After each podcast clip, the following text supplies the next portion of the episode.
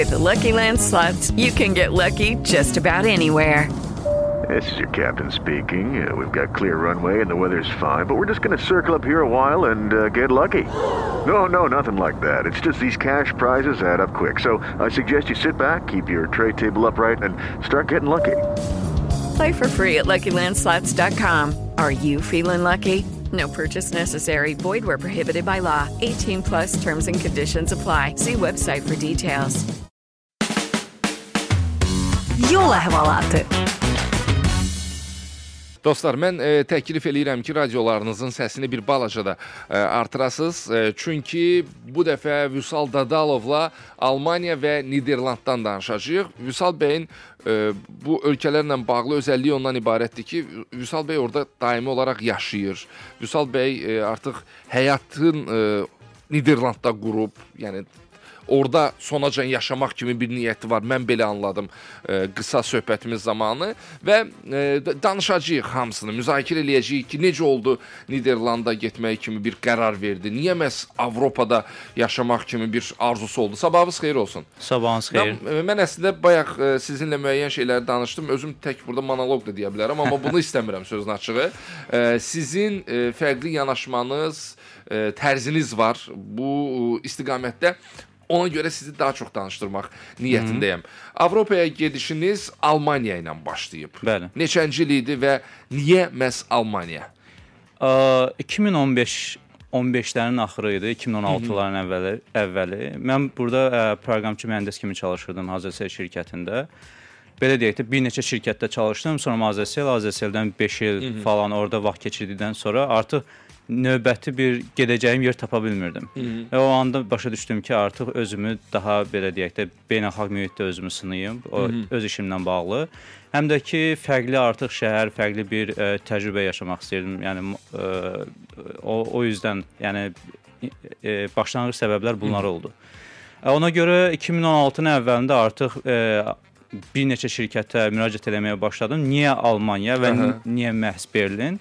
Orda artıq mənim 5-6 dənə burdan tanıdığım insanlar ora köçmüşdülər. Mən də istəyirdim ki, köçdüyüm yerdə bir ə, ətrafım daha yaxşı olsun. Yəni çox belə yad bir yerə düşməyim. Hansı ə, sahələr üzrə işləyən adamlar idi onlar? Bunlar hamısı əslində eyni sahədə, yəni bu IT. IT mütəxəssisləri idi.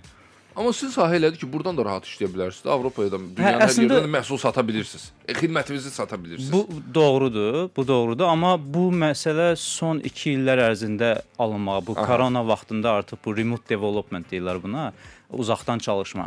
Bu uzaqdan çalışma məsələsi son 2 ildə artıq aktivləşməyə başlayıb. Əvvəl o qədər də deyildi. Amma yenə də hələ də Azərbaycandan sən ə, yaxşı bir şirkətə uzaqdan çalışa bilmirsən. Azərbaycanda onlar ə, e, Azərbaycanı dəstəkləmirlər. Yəni ora Hı -hı. pul köçürün falan.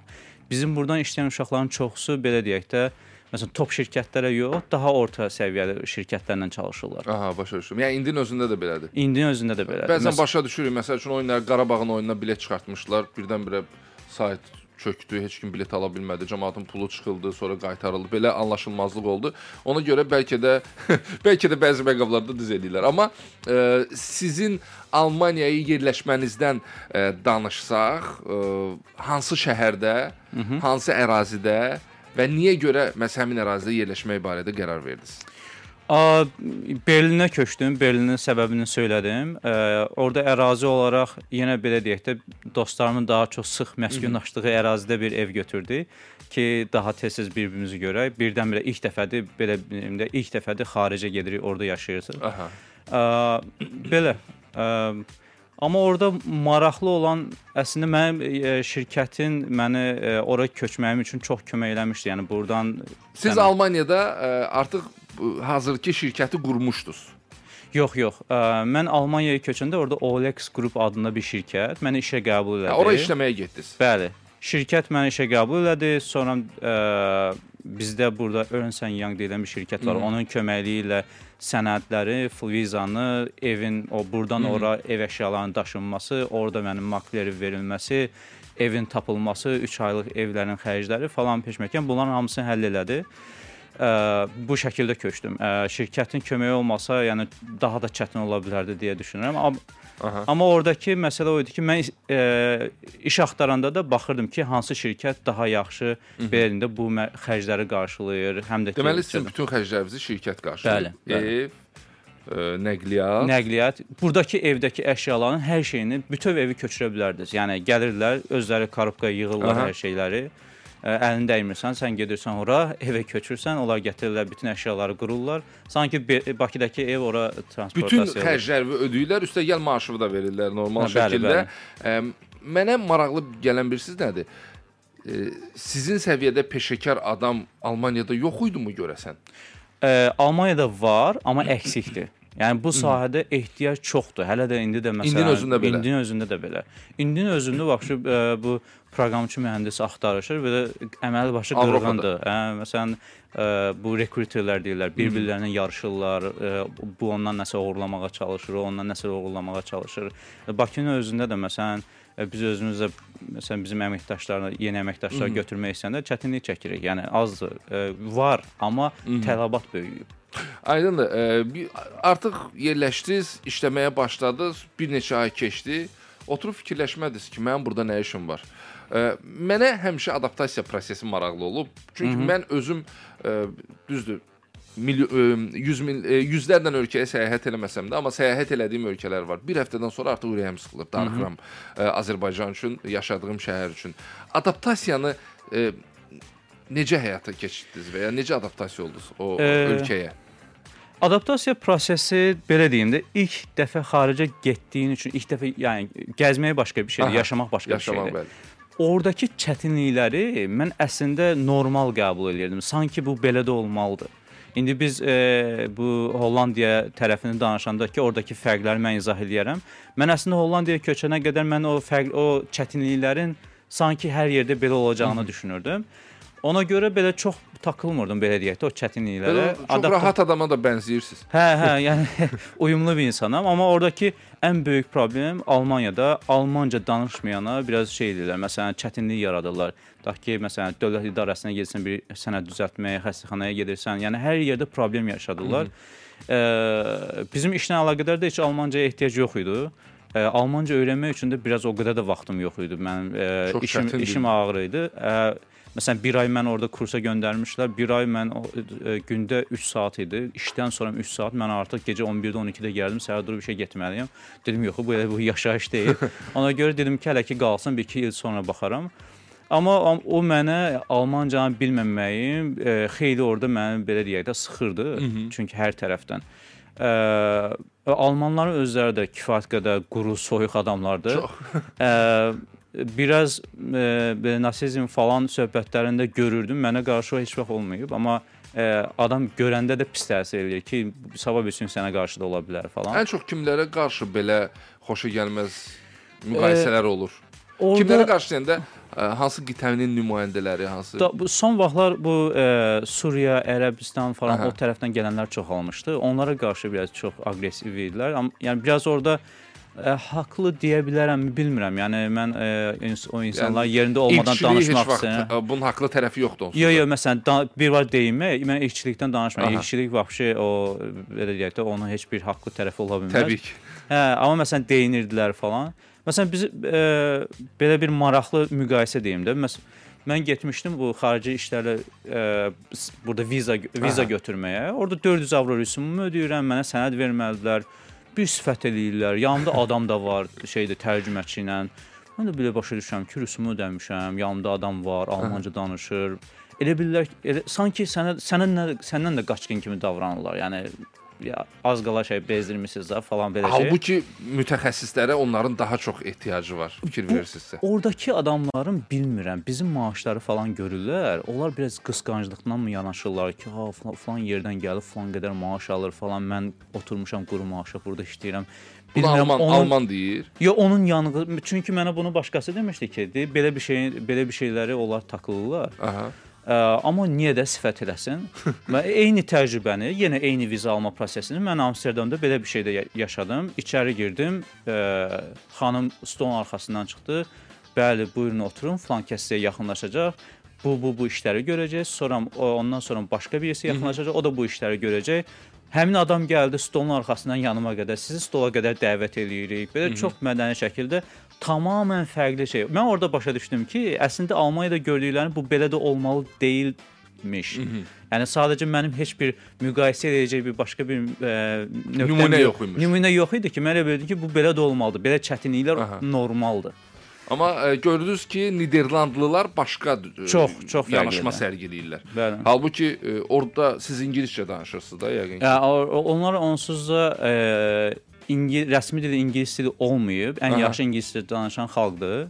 Yəni ona görə olanlar, orada kiçiyindən yaşlısına qədər o problemi çəkmirsən. Salamı ingiliscə versən, ingiliscə danışırlar, hollandca versən, hollandca danışırlar. Ə, Aydındır. Bəs Almaniyadan Niderlanda köçmək barədə qərarı necə verdiniz? Nə qan eləmədi sizi konkret olaraq?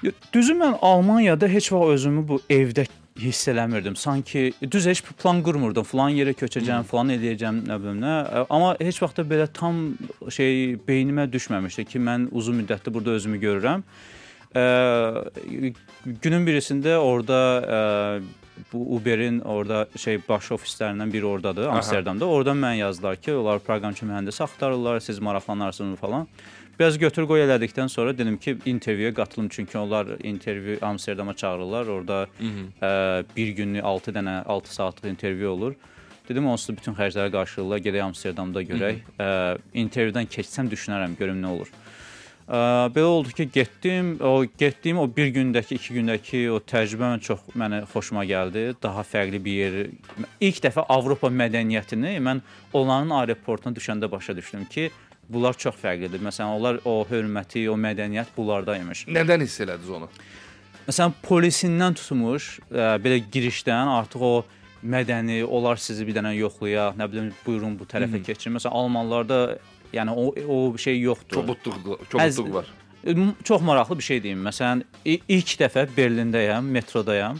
Ə, ə, hə- hələ ki belə deyim də təzə düşmüşəm deyəsən, deyəsən otelə gedirəm. Ə, bir də stansiya ə, stansiyanın yanında qapı açıldı. Arxada birisi şey elədi. Entschuldigung. Dedim amma görəsən nə etdim? Ayaq üstə də sakit durmuşam da. Heç kimi o? Mən- vurmadım. Sən mən üzr istəyirəm deməkdir. Hə. Üzr istəyirəm tonu belə çox kobuddur. Elə bizim deyib ki, qardaş, bir dənə şunu səndən. Hələ rədd ol falan mən belə Hə. düşündüm. Yəni düşünün ki, üzr istəyirəm bu qədər belə deyim də kobud ə, səsləri. zərif bir şeyi o qədər kobud şeylə ə, səsləndirirlər. Hə, oradakı o ə, çox mədənilər, çox gülər üz, mehriban, dəhşətli. Mən orada başa düşdüm ki, şeydir. Ə, almanları da biraz başa düşməyə başladım ki, bunlar nə qədər quruymuş. Mən əslində Hollandları da düşünürdüm ki, ora getməmişdən. Amma bunlar eyni millətdir onsuz da. Onlar da soyuqdur, onlar da qurudu falan, amma inanılmaz dərəcədə fərqli bir insanlarla qarşılaşdım. Siz e, ailəvi yaşayırsınız orada. Bəli, E, Həyat yoldaşınız, e, övladınız. Allah saxlasın. Sağ olun. E, gəlin oradakı yaşam tər sırf Niderlanddakı yaşam tərzlərindən və yaşam şərtlərindən danışaq. Yəqin ki, öz eviniz deyil, kirayədir. Yoxsa öz eviniz? Ə, ipoteka götürmüşəm. Aa, nə yaxşı. Orada mən eşitdiyimə görə çoxu e, kirayə falan daha çox qalmağa üstünlük verir, amma e, ora ki Azərbaycanın ayağı dəydi, mütləq şəkildə öz evi olmalıdır Azərbaycandadır. Yo, yo, a, a, Hollandiyada çox qəribə idi. Mən gözləmirdim. Sən demə orada ipoteka götürmək çox rahat imiş və bu ya- yayğın bir şeydir. Yəni hətta ipoteka götürmək xərcləri, kirayə xərclərini azaldır. Məsələn, mən orada kirayədə qalanda 1-ci ildə kirayədə qaldım. Ə, 2400 evro mən kirayə xərci ödəyirdim. İpotekada bunlar yarı-yarıya endi. Yəni ipoteka daha ucuz başa gəlir. Bir də sonunda sənə ev qalır belə düşünsək. Vüsal bəy, Bəli. e, bizdə də Avropa sayağı rahat şərtlərlə kreditlər var. Məsəl üçün proqramımızın baş sponsoru ABB-nin yenilənmiş ipoteka şərtləri ilə hər kəs ev sahibi ola biləcək. İllik faiz dərəcəsi 6%-dən başlayır. İlkin ödəniş minimum 15%-dir. Müddət 25 ilə qədərdir. Məbləğ maksimal olaraq 500 min manat e, təşkil edir. ABB ilə siz də sərfəli şərtlərlə yeni və gözəl evinizə sahib olun. Ə, ətraflı məlumat 937 nömrəsində. Ə, deməli, öz eviniz demək olar ki, var Bəli. ə, Niderlandda. Ə, məktəb məsələsini necə həll elədiniz və övlad necə öyrəşdi? Ə, yəni uşaqlar təbii ki, yəni o hara qoysaz ora adaptasiya olurlar. Məktəbdə müəll belə düşünün də mən ə, o qədər mehriban ə, müəllimələr, müəllim kollektivi var ki, ə, düşünün ki, sizin qohum bir məktəb düşünün. Sizin qohumlarınız da hamısı və üstünə də pul vermirsiniz ki, uşağa çox yaxşı baxın. Hə, O səviyyəyə çıxa bilməzlər. Yəni uşaqla keçirdiyi bütün şeylərin şəkillərini göndərirlər, şeylər məsələn hovuza gedirlər, harasa gedirlər, oynayırlar. Bu gün belə keçdi, bu gün bunu öyrəndik. Bu gün yeni bir şey bu oldu. Ə, məsələn e, ad günləri olsun, müəyyən hansısa günlər olsun, çox nə bilim şəkillər qoyurlar sumkaya. Məsələn bura gəlirdik. Ə, qızımın ad günü avqustun 2-si olacaqdı. Biz biraz tez gəldik.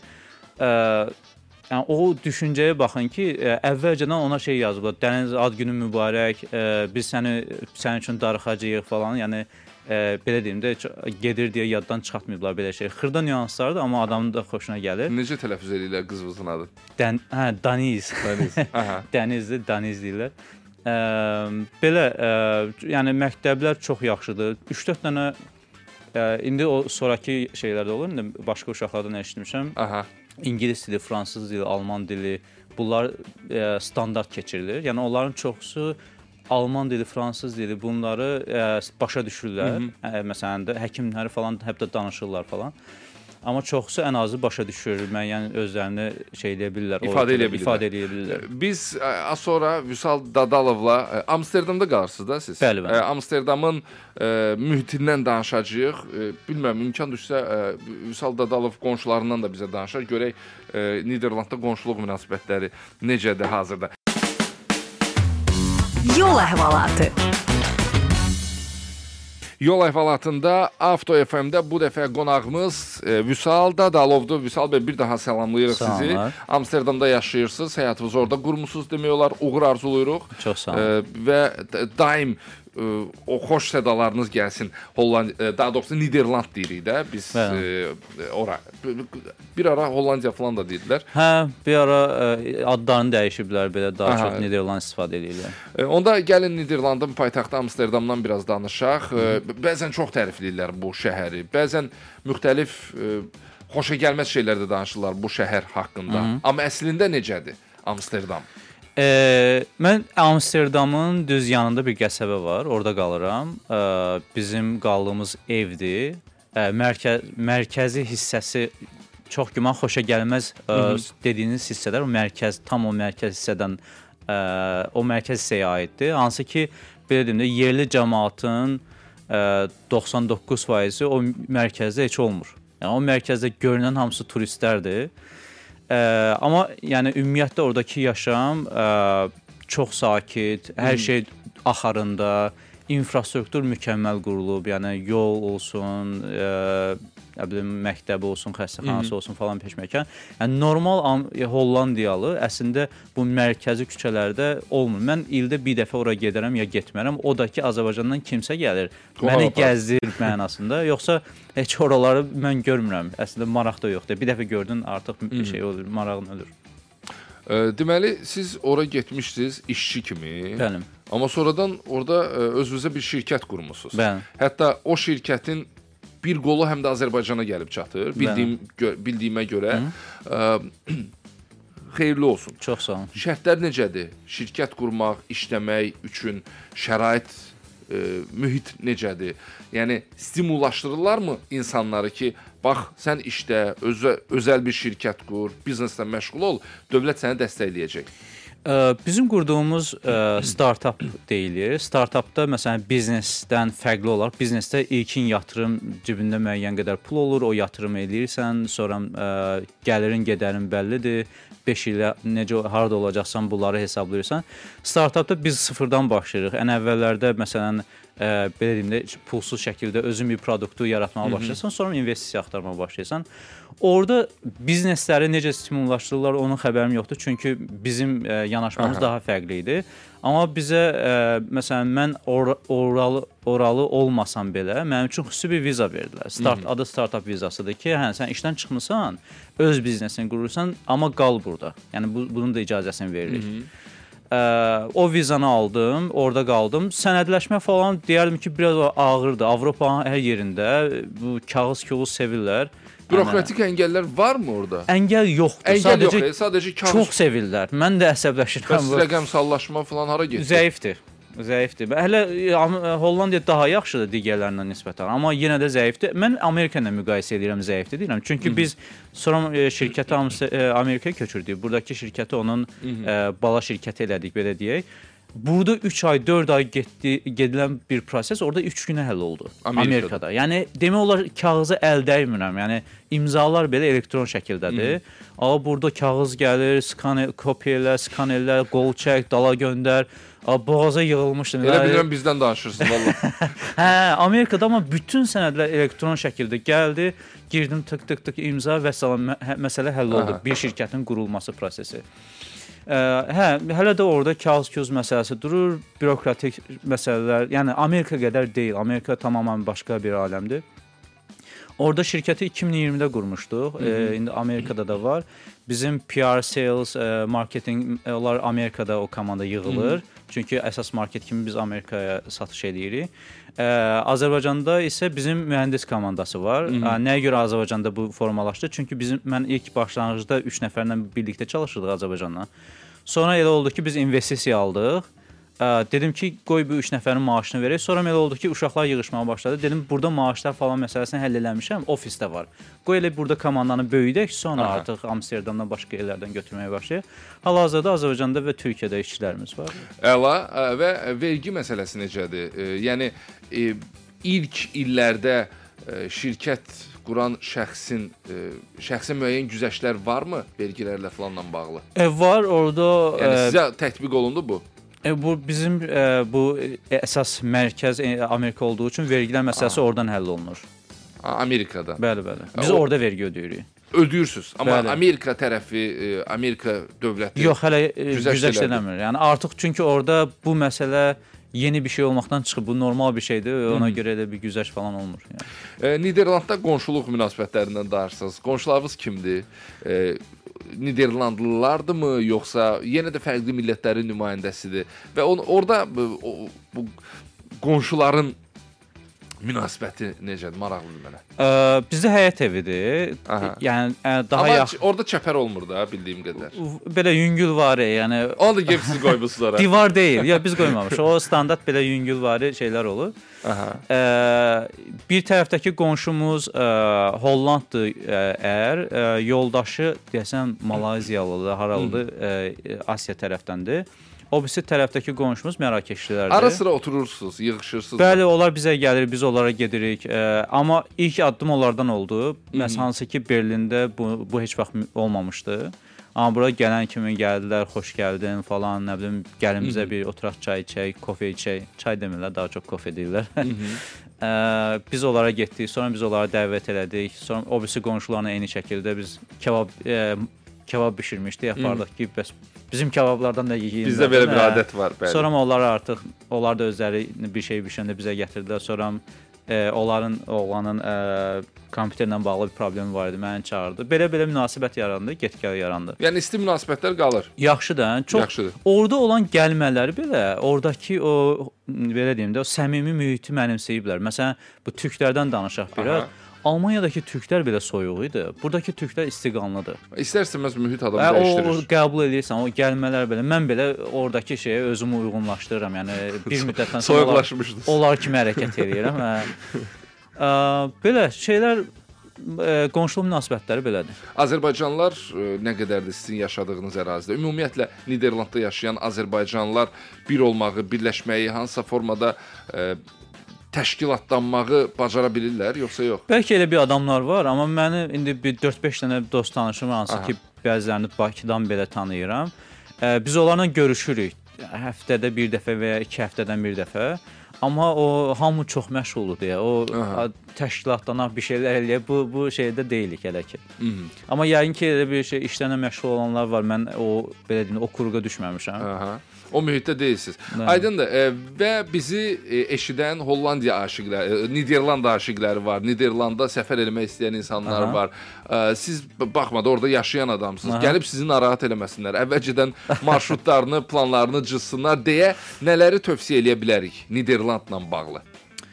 Niderlandla bağlı Yəni gediləsi yer baxımından, e, xərclənəsi pul baxımından. Hə, Niderlanda ən bahalı şey ə, qalmaq xərcləridir. Otel falan kifayət qədər bahadır. Niyə elə baha eləyiblər ki? Bilmirəm. Yəni o kirayə də baha idi, şey müqayisədə digər yerlərlə, amma ə, şiddətli tövsiyə eləyirəm. Mən, mən özüm məsələn belə deyim də ə, çox yerləri gəzmişəm. Orda qalıram deyə yox. Həqiqətən də başa düşürəm ki, ə, Amsterdam və ya Hollandiya ətrafı o şəhərlər çox maraqlıdır, çox görməli yerlərdir.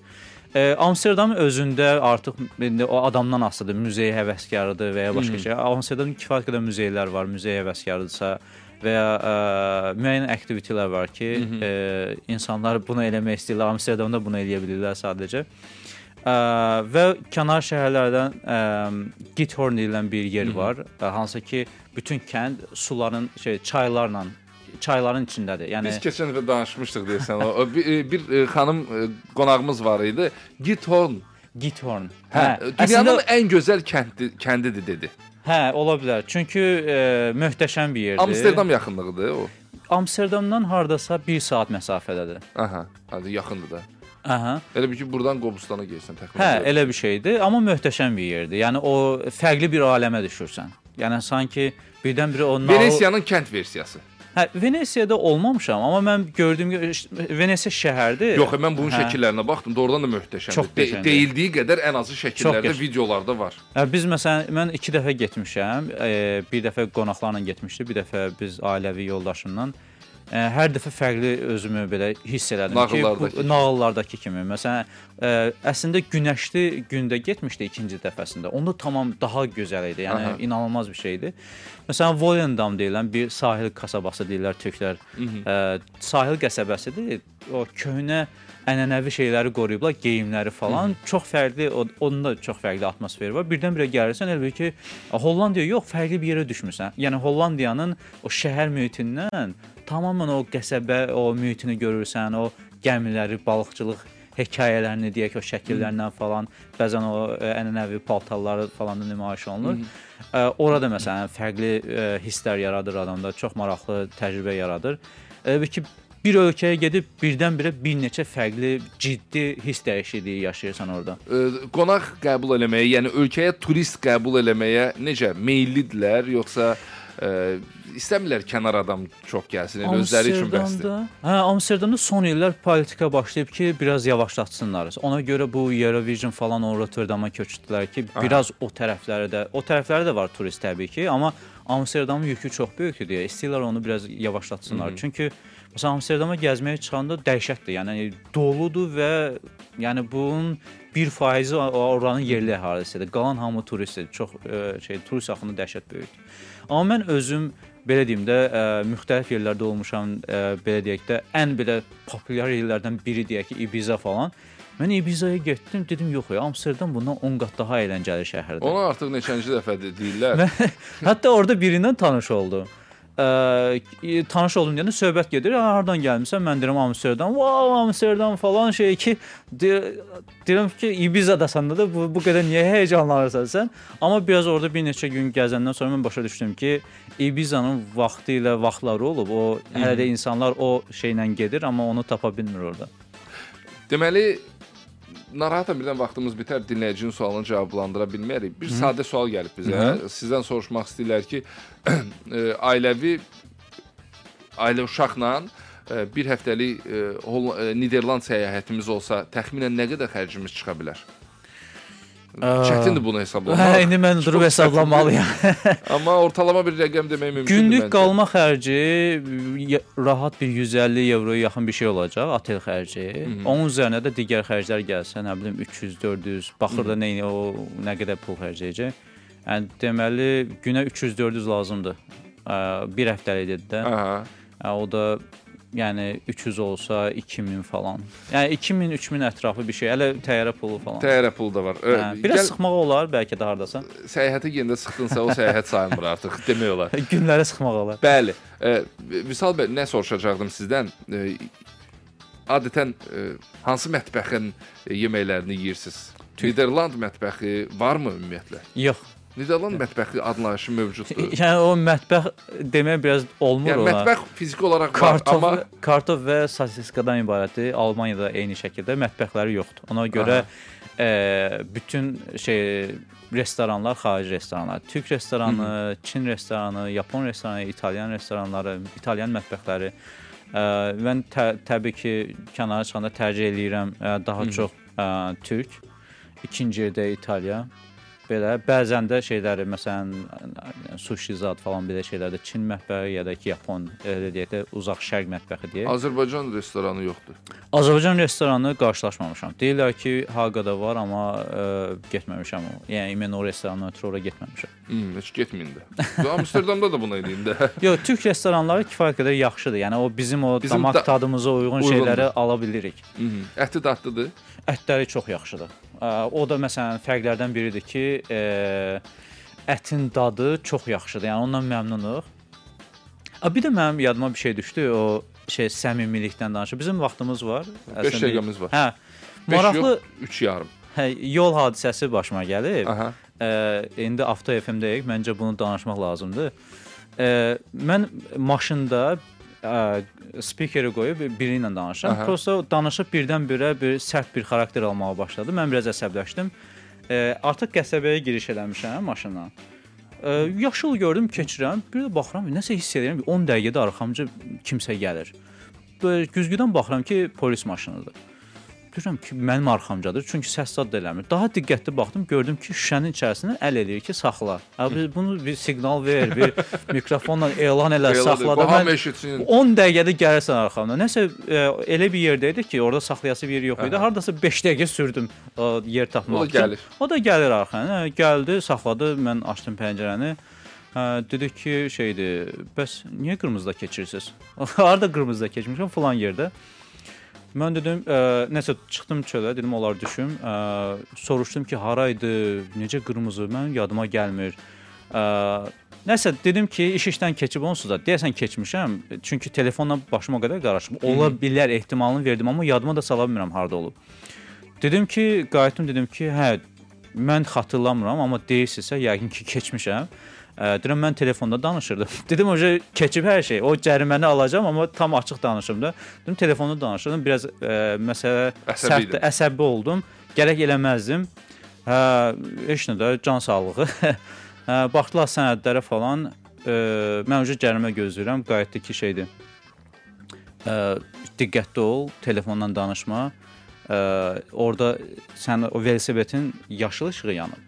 Sən ona aldanmısan Siz bəlkə də. bir hə, velosipedin svetoforu ilə Hə, hərəkət velosipedin svetforuna basıb gedirəm mən də. Amma hə, ehtiyatlı ol falan, ə, çox mədəni şəkildə sizə xəbərdarlıq eləyirik. Cəriməsi yüksəkdir, ə, 600 evroya yaxındır. Qırmızı işıq. Hə, ə, diqqətli olun, belə şeylər eləməyin. 5 dənə. Sağ Elə ol. cərimələr qoyublar ki, adam ümumiyyətlə orada maşın sürmək istəməz. Hə, yox, cərimələr dəhşət yüksəkdir. Dəhşət. Hə, burada sağollaşdıq. Yəni orada belə o mehribançılığı, o rəftar. Məsələn, o qədər də arxamca gəlib. Mhm. İlk sualı şeydir, qırmızıda niyə keçirsə çox mədəni şəkildə. Yəni anlamaq istəyir də səni cəzalandırmaq, başını oynaçmaq yox. Qəribədirlər. Niyə eləyirsən bunu? Qəribə, çox qəribədirlər. Quşqur. Hə də bir elan elə mikrofonla falan. Hə, saxla qıraq da görəm. Biraz qorxu sal. Vüsal bəy, e, çox maraqlı həm söhbətsiz. Sizin verdiyiniz cərimə olub? Olub. Nə qədər ödəmisiniz maksimum? Yadımda deyil, deyəsən 400 avro idi səhv parkinqə görə. 400 avro cərimə ödəmisiniz, yadınızda da qalmayıb. Sizə Yəni daha o- yüksək cərimə lazımdır. Ya mənim yadımda qalan o idi ki, bir də belə hərəkət eləmə. Yəni o pulun o qədər önəmi yox idi. Afərin. E, mən sizə uğurlar arzulayıram. Çox sağ olun. Minnətdarıq sizə. Mən də təşəkkür edirəm dəvətiniz üçün. E, biz həmişə sizin yaxşı xəbərlərinizi, soraqlarınızı söhbət təkcə sırf sizdən getmir. Ümumiyyətlə Avropada, dünyanın fərqli yerlərində Təbii. yaşayan Azərbaycanlılardan gedir. Həmişə xoş sədalarınızı eşitmək arzusundayıq. Minnətdarıq sizə. E, belə Vüsal Dadalov e, studiyamızdaydı. Niderland və Almaniya barədə e, söhbətləşdik. Bu arada proqramın sponsoru Baku Electronics barədə də e, danışmaq istəyirəm sizə. Xəbəriniz olsun ki, Xiaomi M3 e, daha doğrusu Mi 3 skuteri hazırda 1299 deyil, 1099 manatdır. E, Baku Electronics'də Samsung LED TV 719 deyil, 619 manatdır. Huawei Band 6 isə 139 deyil, cəmi 99 manatdır. Baku Electronics'də. Hətta e, siz bakuelectronics.az saytında onlayn alış-veriş də eləyə bilərsiniz. Eyni zamanda digər kampaniyalar barədə məlumatlar da öyrənə bilərsiniz. Hyundai Ioniq 5 e, barədə danışım. Çünki Hyundai Azərbaycan proqramın e, sponsorudur. Ioniq 5 ilin avtomobili, ilin elektrik avtomobili və ilin avtomobil dizaynı nominasiyalarında 3 qat qalibiyyət əldə edən tam elektrikli avtomobildir və e, siz bu avtomobillərlə tanış olmaq üçün, bu avtomobili test eləmək üçün e, Dərnəgüldəki Hyundai showroomuna yaxınlaşa bilərsiniz. Eyni zamanda Babək prospekti Otoplaza Mallda da e, Hyundai Ioniq 5 e, sizə sizin xidmətinizdədir. Yəni gedib ala da almaq imkanınız da var. Əlbəttə xoşunuza gəlsə alacaqsınız bu avtomobili. Biz isə proqramı burada yekunlaşdıraq. Sabah səhər saat 8-də yenə də Avto FM-də görüşərik. Hələlik. Yol əhvalatı. With the Lucky Land slots, you can get lucky just about anywhere. This is your captain speaking. Uh, we've got clear runway and the weather's fine, but we're just going to circle up here a while and uh, get lucky.